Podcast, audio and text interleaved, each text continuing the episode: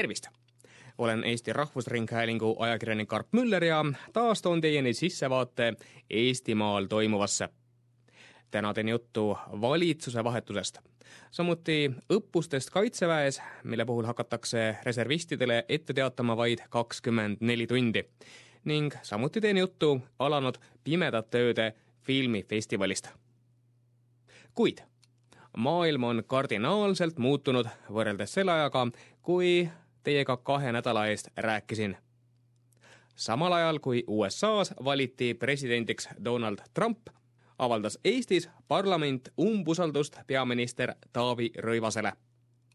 see tähendab lõppu Eestis seitseteist aastat kestnud Reformierakonna valitsusajale, millele kriitikud on ette heitnud seisakut ning aegunud dogmadest kinnihoidmist, mis on takistanud reformimast Eesti maksusüsteemi või võtmast laenu vajalike taristuinvesteeringute tegemiseks ja majanduse elavdamiseks.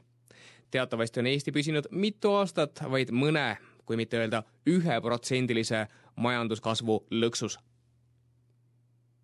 Reformierakond pole opositsioonis olnud kordagi alates aastast tuhat üheksasada üheksakümmend üheksa.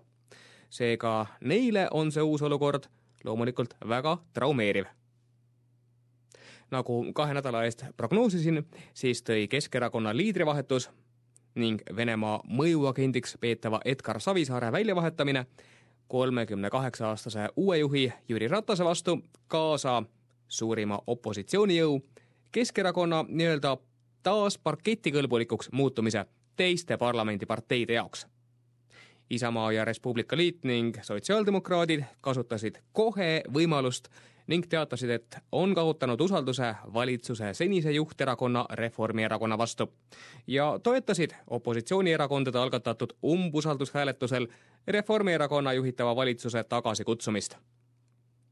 mitmed välismaised mõjukad väljaanded, kas või Die Zeit, kajastasid Eestis toimuvat justkui läänemeelse valitsuse langust ning venemeelse partei juhitava vasakvalitsuse võimule tulekut Keskerakonna juhtfiguurid kohtusid seepeale kolmekümne Eestis resideeruva suursaadiku ning saatkonna asejuhiga, selgitamaks diplomaatidele, et Keskerakonna valitsusse tõusmine ei tähenda muutust riigi senises välis- ja julgeolekupoliitikas ega Venemaa mõjusfääri langemist. läbi nädala on käinud nüüd aktiivsed läbirääkimised valitsuskoalitsiooni moodustamiseks Keskerakonna uue esimehe Jüri Ratase juhtimisel. partneriteks senist peaministrit kukutada aidanud IRL-i esimees Margus Tsahkna ning sotsiaaldemokraatide juht Jevgeni Ossinovski. vahetult enne kuuldava teksti sisselugemist neljapäeva õhtul avaldasid koalitsioonikõnelusi pidavate erakondade juhid ka oma maksu- ja majanduspoliitika põhilised detailid. Nad rõhutavad, et tegemist on Eesti kõige ulatuslikuma maksureformiga sel sajandil senisest kõrgemalt soovitakse maksustada rohkem teenivaid inimesi ja seniselt madalamalt soovitakse maksustada vähem teenivaid inimesi. tulumaksuvaba miinimum tõuseb saja seitsmekümnelt eurolt viiesajale eurole alates esimesest jaanuarist kaks tuhat kaheksateist. Tuhat kakssada eurot teeniv inimene hakkab teenima kuuskümmend neli eurot rohkem kuus kui täna tuhande kahesajast eurost alates hakkab tulumaksuvaba miinimum sujuvalt langema ja tuhat seitsesada viiskümmend kaheksa eurot on see ülempiir, milleni vabastus ulatub. sealt alates saavad inimesed kätte sama palju kui praegu. praegu teenib kuni tuhat seitsesada viiskümmend kaheksa eurot kaheksakümmend kuus protsenti Eesti töötajaskonnast. Alates kahe tuhande ühesajast eurost maksuvaba tulumäär kaob, see tähendab, sellest rohkem teeniv inimene saab kuus kolmkümmend kaheksa eurot vähem kätte kui praegu. diisliaktsiisi ja majutusasutuste käibemaksumäära tõstmine jäävad ära. see peaks aitama regionaalset konkurentsivõimet parandada ära jääb ka valitsusest lahkuma sunnitud Reformierakonna seadustatud sotsiaalmaksu langetamine poole protsendi võrra. see seadus soovitakse tühistada kehtestatakse ka pangalõiv, et suurendada pankade solidaarset panust Eesti ühiskonda. piiratakse kasumi vaba väljaviimist riigist. lihtsustatakse firmaautode kasutamise süsteemi ja viiakse sisse suhkrujookide maks lisatud suhkruga jookidele. Raha on vaja, sest näiteks aastal kaks tuhat üheksateist plaanitakse tõsta õpetajate palk saja kahekümne protsendini keskmisest palgast, mis praeguste prognooside järgi on tuhande kuuesaja euroni kuus.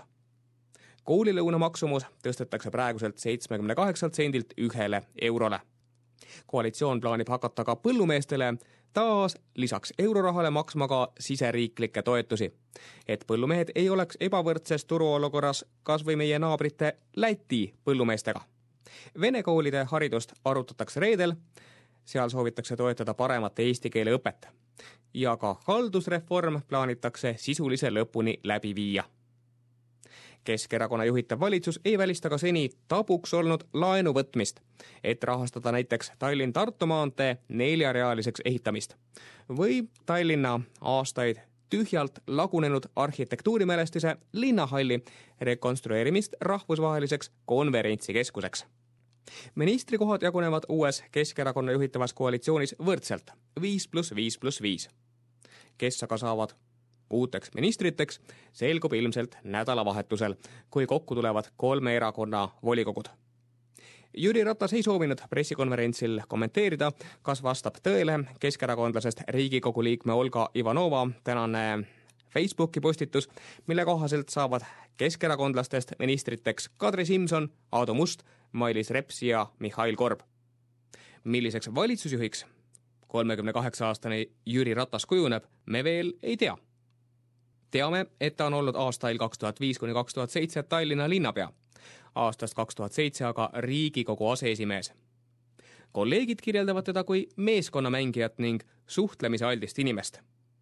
kriitikute poole pealt on aga esile tõstetud, et talle on omane rääkida väga ümmargust juttu ning mitte võtta väga konkreetseid seisukohtasid. tulevasel peaministril on kolm last ja ta on abielus tema isa Rein Ratas on samuti poliitik ja Riigikogu liige. esialgse info kohaselt võib uus Jüri Ratase juhitav valitsus Riigikogu ees ametivande anda tuleval neljapäeval, kahekümne neljandal novembril. vahetan aga teemat pineva rahvusvahelise olukorra tõttu ei saa ma selgi korral ilma Eesti kaitsmist puudutavate sõnumiteta. Eesti Kaitsevägi on teada andnud, et hakkab nüüd esmakordselt korraldama vaid kahekümne nelja tunnise etteteatamise ajaga õppuseid. põhjuseks muutunud julgeolekuolukord. varasema korra kohaselt pidi õppustest teatama ette sada kakskümmend päeva. kaitseministeeriumi teatel on väga lühikese etteteatamise ajaga lisaõppekogunemised mõeldud reservüksuste lahinguvalmiduse kontrolliks. reservväelaste kokkukutsumist kahekümne nelja tunni jooksul võimaldab nimelt käesoleva aasta algusest kehtima hakanud uus riigikaitseseadus. selle kohaselt võib õppus kesta kuni kuuskümmend päeva. samas ministeeriumi esindajate sõnul kujuneb õppekogunemiste pikkus vastavalt vajadusele. eesmärgiks pole mitte õppekogunemise ajaline kestvus, vaid valmisoleku kontroll. lisaõppekogunemistele hakkab reservväelasi kutsuma Kaitsevägi, kasutades selleks kas paberkandjal kirja e, e-kirja või SMS-sõnumit või ka e-kutset läbi riigiportaali eesti.ee. samuti on lisaõppekogunemiste kutse kavas edastada trükimeedias, tele- ja raadiokanalites ning internetis. lõpetuseks teen kultuurijuttu ka. Tallinnas ja Tartus kestab kahekümnes Pimedate ööde filmifestival, kus sel aastal linastub kakssada viiskümmend täispikka mängu- ja dokumentaalfilmi lisaks publikule on festivalil üle tuhande filmivaldkonna spetsialistist külalise, nagu režissöörid, produtsendid, näitlejad ja nõnda edasi. ja võib prognoosida, et ületatakse ka eelmise aasta filmikülastuste rekord, kaheksakümmend tuhat. kolmandat aastat on PÖFF rahvusvahelise A-kategooria festivalide reas koos Cannes'i, Berliini või Karlovi Vaariga. ja see on kaasa toonud ka suure rahvusvaheliste esilinastuste hulga samuti on võistlusprogramm aasta-aastalt järjest kõrgetasemelisem. ma vaatasin läbi ka kõigi kaheteistkümne võistlusprogrammi kuuluva filmi sünopsised ja treilerid. ja selle põhjal saan öelda, et palett on tõeliselt lai. üks film räägib võlakriisis muserdatud inimestest Kreekas. teine aga samamoodi hammasrataste vahele jäänud inimestest Hispaanias, keda tõstetakse kodudest välja, kuna nad ei jõua laene maksta Läti film räägib küüditamisest.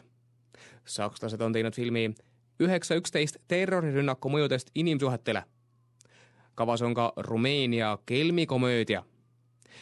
Korea romantiline film räägib ühest paari pidavast tütarlapsest, kellel aga on kolm austajat.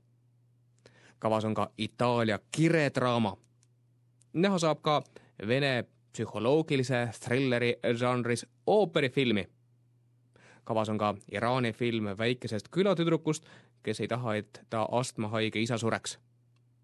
ja Iisraeli film räägib elust sealse usu fundamentalismi keskel. see oli nüüd väike ülevaade kaheteistkümnest võistlusprogrammi filmist. ka tingimused, milles festival toimub, on aasta-aastalt paranenud.